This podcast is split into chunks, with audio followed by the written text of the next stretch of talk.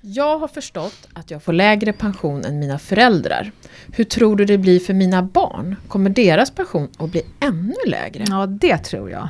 Ja, fast vänta nu, det beror egentligen lite grann på hur länge ni jobbar och naturligtvis vilken lön ni har och sådana där saker. Men man kan säga sammantaget att det som skiljer oss eh, från våra föräldrar, eller ja, det är att vi kommer nog att behöva jobba fler år för att få samma pension, samma storlek på pensionen. Men vi kommer att ha ungefär lika lång tid som pensionärer, för vi lever som sagt längre.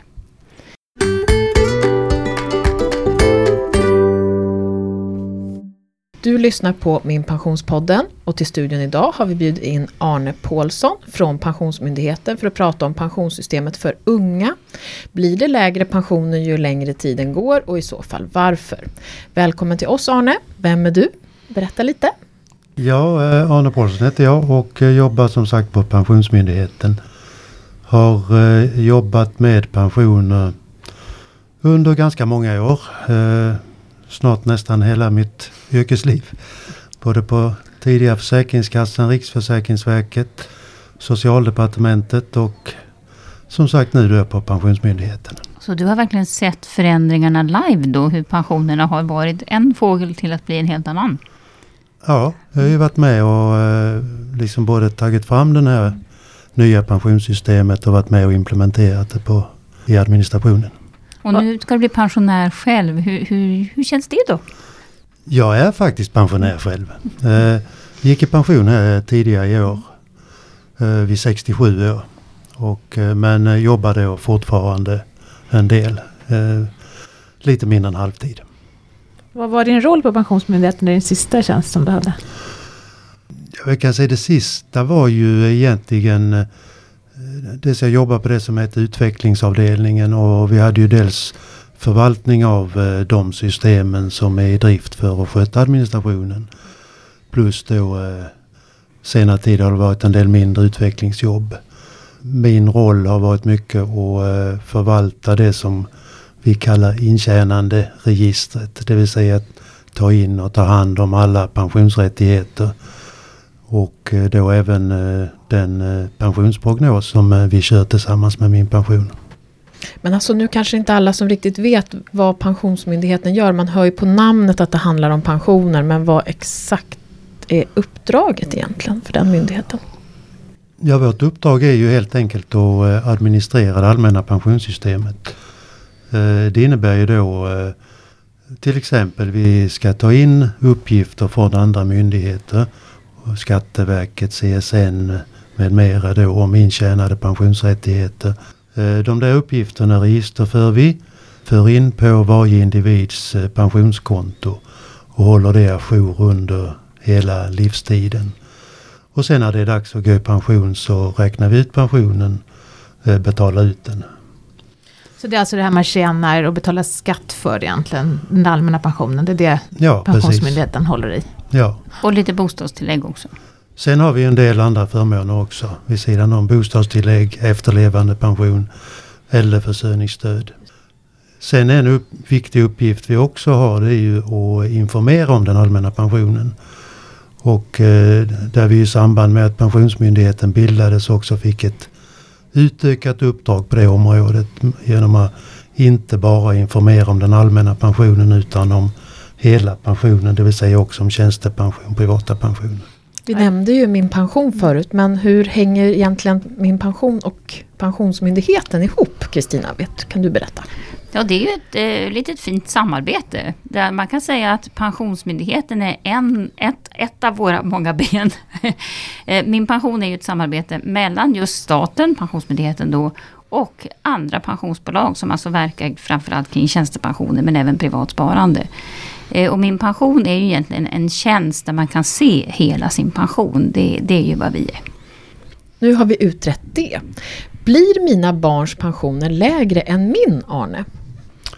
Om de eh, kommer att jobba som du har, samma inkomst och samma inkomst under livet, gå i pension vid samma tidpunkt som du gör, då kommer de att få lägre pensioner, ja. Jaha, så de ska jobba till 70 då? Det verkar vara framtidens melodi alltså. Far och morföräldrar har däremot gått vid 65 och de får jobba ännu längre. Hur kommer det sig att det blir så här? Ja, lite olika orsaker. Uh, först om vi tänker på våra mor och farföräldrar så gick de ju i pension uh, företrädesvis under det gamla pensionssystemet. Där det inte då fanns någon koppling till uh, hur länge man levde, hur lång tid man var pensionär. Det är det ena. Och sen det andra nu med det nya pensionssystemet det är ju just att pensionen beror då på hur länge vi förväntas leva. Storleken beror på hur många år vi ska uppbära den där pensionen. Och som det ser ut nu så eh, kommer ju folk att leva allt längre och längre. För varje så att säga kohort som eh, kommer till så förväntas de leva ytterligare några månader. Eh, och det innebär ju om de då har tjänat ihop lika mycket under sitt arbetsliv som, som du har gjort så ska de pengarna räcka under längre tid och då blir den årliga pensionen lägre. Så om jag är född på 90-talet och har precis kommit igång och börjat jobba, vad tror du är en rimlig pensionsålder för mig då? Är det 70? 71? Vi räknar ju på något som vi brukar kalla den alternativa pensionsåldern. Eh, och, och, och, det är egentligen en prognos på hur kommer det att se ut eh, Eh, om eh, då har vi ett typexempel som egentligen börjar arbeta vid 23 års ålder. Jobbar under hela livet och har en eh, inkomstutveckling som ser ut som genomsnittet. Eh, och sen använder vi då SCBs prognoser på eh, livslängden framöver. Och tittar vi på de prognoser och de beräkningar av den alternativa pensionsåldern så ser det ut som att de som är 90-talister de får jobba till 70-71 någonstans för att få samma pension som eh, eh, tidigare generationer har fått vid 65. Å andra sidan så kommer de flesta av dem att leva till 90. Ja, det, det, är ju eh, som sagt att eh, de där ytterligare åren de får arbeta, de innebär ju också att eh, de kommer att, eller den, den ytterligare tid de får leva, den innebär ju att de behöver inte arbeta hela den extra tiden. Utan mellan tummen och pekfingret så två tredjedelar av den tiden får de arbeta. Men det innebär ju också då att de faktiskt får en längre tid som pensionärer än vad tidigare generationer har fått. Ja, och räknar man på det i procent, vilket man också kan göra, det vill säga hur många månader får jag vara pensionär i förhållande till hur många månader jag har jobbat eller min livslängd. Då är det faktiskt så att räknar man på medellivslängden så kommer de flesta av oss att vara pensionärer en femtedel av våra liv. Och det är ju några år i alla fall. Eh, fast jag tänkte fråga, alltså, när du pratar om ungdomar, så att så när jag var ung, då hade jag inte en aning om hur pensioner fungerade. Och hade jag liksom lyssnat på ett sånt här program då, då hade jag liksom fått lära mig att du ska få ihop 30 intjänande år och så ta 15 bästa åren av det och så liksom räknar man ett medel och så blir det din pension, hej jobb. Eh, och du går vid 65.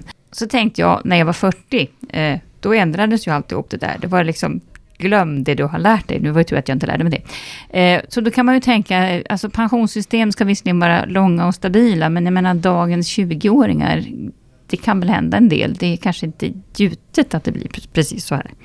Nej, att det blir precis så här, det ska vi nog inte räkna med. Att eh, en del förändringar kommer absolut säkert att komma. Eh, samtidigt kan man säga att det här pensionssystemet vi har nu är ju i grunden stabilare än det gamla ATP-systemet var. På det sättet att det anpassar sig till rådande ekonomiska och demografiska förhållanden. Man kan säga det betyder att pensionssystemet klarar sig alltid till skillnad mot ATP-systemet som ju hade kollapsat på sikt om vi hade behållit det. Det som är tråkigt med det nya pensionssystemet att det innebär ju att vid en ogynnsam utveckling så blir det låga pensioner.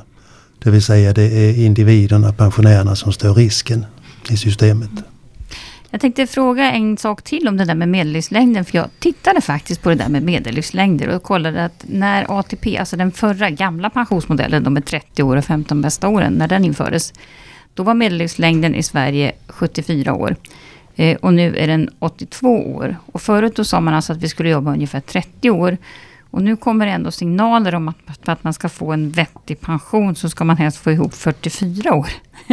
och det kändes ju som att det blev väldigt många fler arbetade år men inte så mycket högre medellivslängd. Hade vi det helt enkelt för bra i det gamla systemet? Ja, det kan man säga. Det visar sig ju att eh, det systemet hade inte hållit i längden. Men vad var orsaken? Var det för att vi jobbade för lite eller för att vi hade för generösa villkor? Eller, alltså, vad är hönan och ägget? Ja, det, det, det var väl lite både och. va. Dels var det ju att vi hade för generösa villkor. Eh, när medellivslängden eh, höjdes, man skulle vara pensionär under längre tid, så ökade ju kostnaderna i systemet.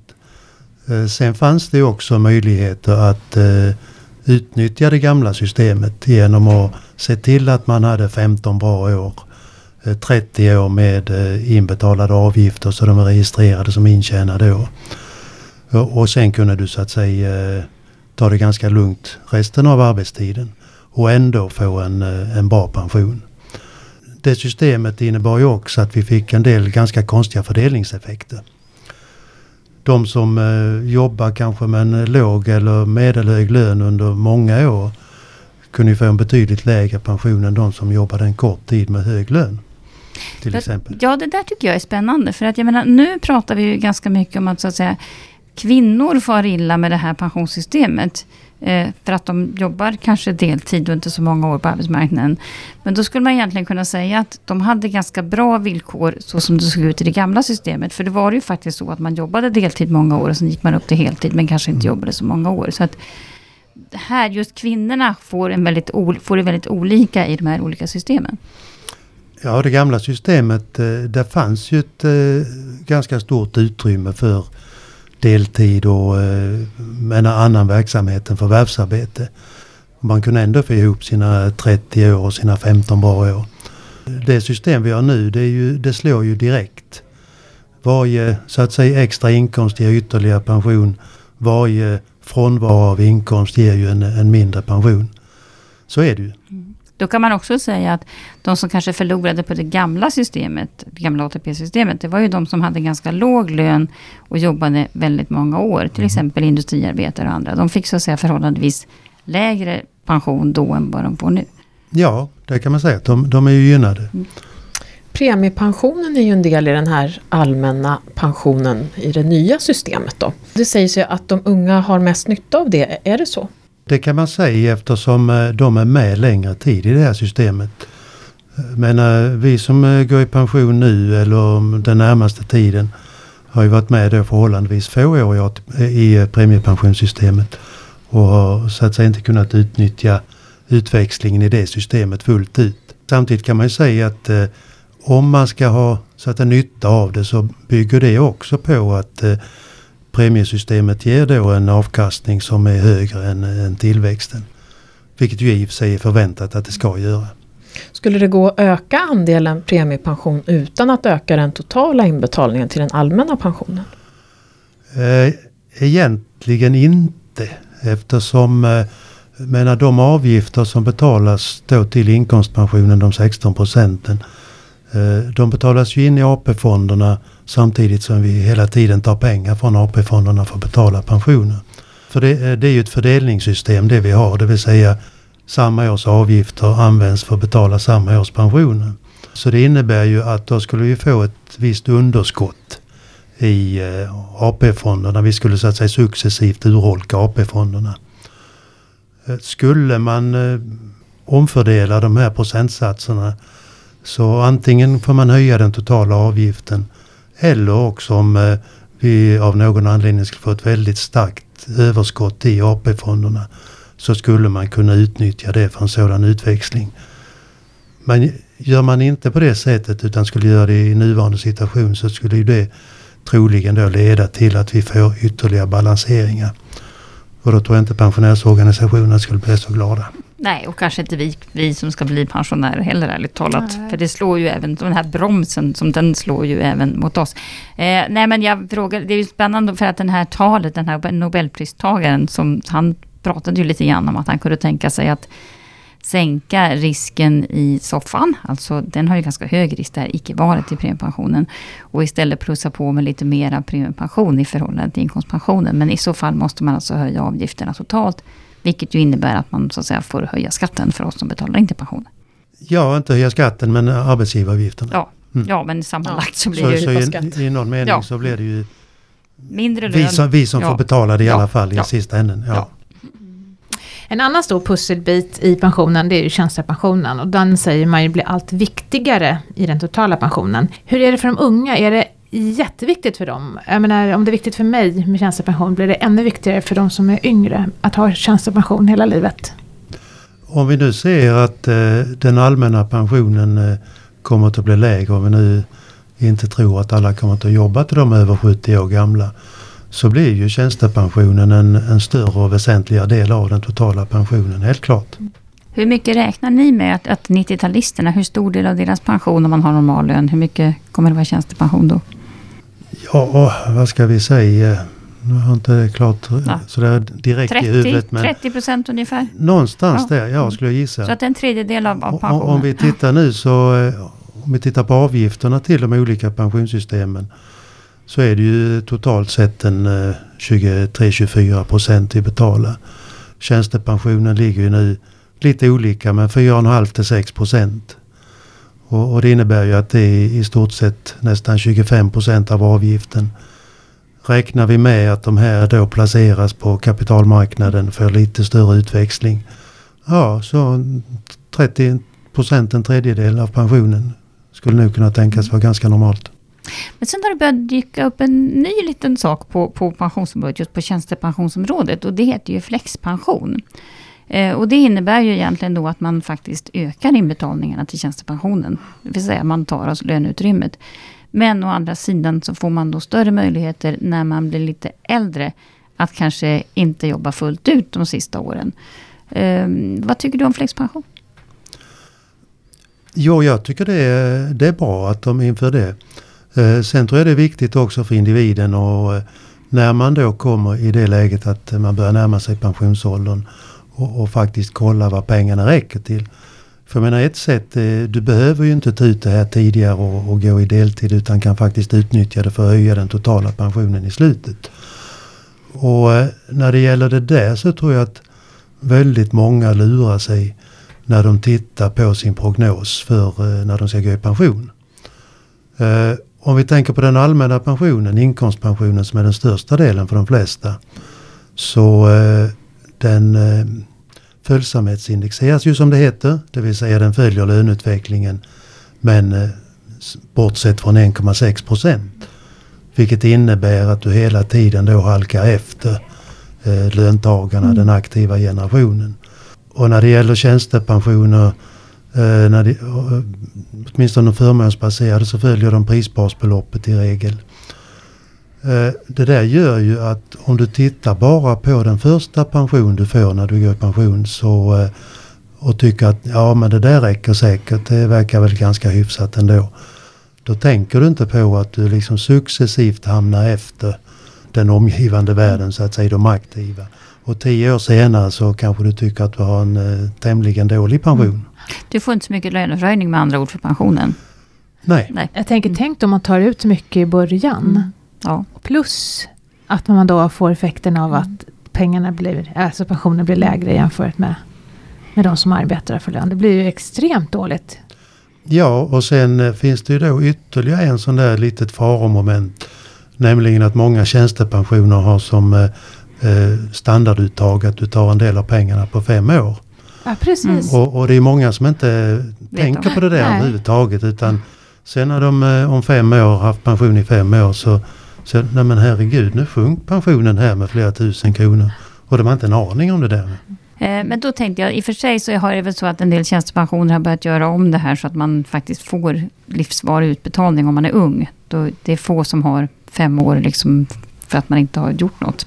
Eh, men jag tänkte det, det, här, det som kallas för normen då, det vill säga att man betalar ut mer i början när du är ung och frisk och glad pensionär.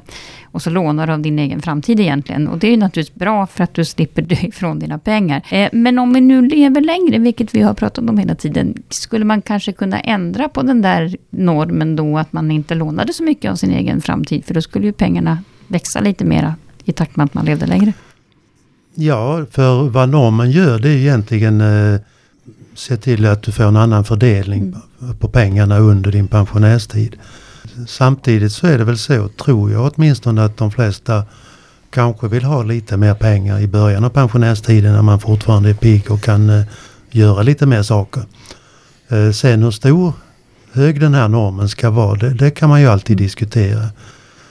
Nu eh, tycker ju förstås många pensionärsorganisationer att man inte skulle ha den där normen när vi beräknar då indexering på pensionerna. Men man kan ju inte så att säga få en högre pension från början och sen eh, inte använda den här normen när vi indexerar. Utan då får man ju så att säga ha en lägre norm. Och då, då får man ju acceptera då blir det lägre pensioner från, från början. Från, från ja. början. Ja. Samtidigt så kan man ju tänka att många kvinnor då, som de vi pratar om, som får väldigt låga pensioner, så handlar det ju oftast om kvinnor som har fyllt 75 och där mannen oftast har gått bort. Eh, så det är väl en annan aspekt, det kanske är bra att om de har lite, lite högre pensioner då, när de är ensamma kvar. Ja, så kan det ju vara. Ja. Ja, det är inte vårt bord att lösa det. Nej. Åter till de unga här nu När vi träffar dem och intervjuar dem så säger de att de, de vet att de ska spara. De sparar flitigt måste jag säga, eller hur Kristina? Ja. Vi har blivit förvånade när vi har pratat med dem och det kan ni ju höra i tidigare poddar. Ja, och de verkar ju tro att det, det, vägen till en vettig pension går genom eget sparande. Ja. Och kanske är det så att de har lite rätt där. Vad, vad säger du Arne? Är det egna sparandet viktigt? Ja, det tror jag. För menar som vi ser nu att eh, Eh, Eh, pensionsnivåerna eh, sjunker. Eh, folk vill inte jobba så länge som de skulle behöva. Och då, då är det egentligen enda sättet att, att spara lite på egen hand. Men nu vet vi ju inte hur pensionssystemen förändras över tid här. För att, att någonting kommer att hända, det tror jag säkert. Men sen är det ju så, men enda sättet för att, att göra någonting åt det här det är ju egentligen att antingen då höja inbetalningarna under den aktiva tiden eller också jobba lite längre. Problemet där är ju att om vi höjer avgiften nu så ja för de närmaste generationerna så betyder det inte särskilt mycket utan det tar ju en 30 år åtminstone innan det har några liksom märkbara effekter på pensionsnivåerna. Sen vet vi inte heller vad som händer på tjänstepensionssidan. Det har ju varit en tendens att höja avsättningarna under senare år. Om det fortsätter, det vet vi inte heller. Där har man egentligen redan så att säga, höjt avgifterna kan man säga, att de totala avgifterna. Ja. Med hjälp av flexpension då? Ja, ja precis. Mm. Ja, men... svårt, svårt att säga om vad som händer i framtiden ja. men det, det, finns ju alltid anledning att spara. Mm, det gör det. Och man behöver kanske inte spara till just pension när man är ung, brukar vi säga också. Man kan lära sig att spara. Men man måste tänka på att spara. Ja, det, det, nej, men äh, det finns ju många andra saker de behöver spara till kanske i första hand. Men äh, nu är ju problemet att nu har vi ju inget egentligt pensionssparande. Men ett investeringssparkonto eller en kapitalförsäkring eller vad det är. De där kan du utnyttja på annat sätt. Du behöver inte spara dem till pensionen. Så det finns ju en, en uppenbar risk att man använder pengarna till annat. Så du skulle nog gärna vilja se någon typ av öronmärkt pensionssparande? Ja, man kan kanske Nu är du pensionär Arne, nu ja, får du säga vad du vill. ja. Nej, men jag tror att det finns en, det finns ju en uppenbar risk att mm. har du sparat pengar, eh, herregud, mm. nu kan jag köpa jag menar köper du ett hus det är väl sin sak. Det är kanske någonting som du kan få ut ett värde av senare. Men eh, du kanske köper en dyrare bil än du behöver. Ta lite lyxigare semester än du egentligen har råd till. Eh, det finns ju en uppenbar risk att man använder pengarna till något mer närliggande behov. Om du har barn och barnbarn, vad har du för råd till dem? Ja, det blev väl egentligen de där liksom standardfraserna ja. vi har. Va? Vi kan ta fem bästa sätt, tipsen också. Eller fem ja. bästa tips. Att du ska börja jobba eh, tidigt, du ska jobba vitt, du ska se till att du har tjänstepension. Och så spara lite också lät det som. Också, också gärna spara lite mm. också. Men eh, sen tycker jag att eh, de eh, ska ju liksom inte glömma bort att eh, större delen av livet är ju faktiskt före pensionen. Du ska inte liksom Hela livet ska inte vara en förberedelse för pensionen. Du ska inte späka dig. Nej, Nej du ska 40 leva. År. Du ska leva också. Ja.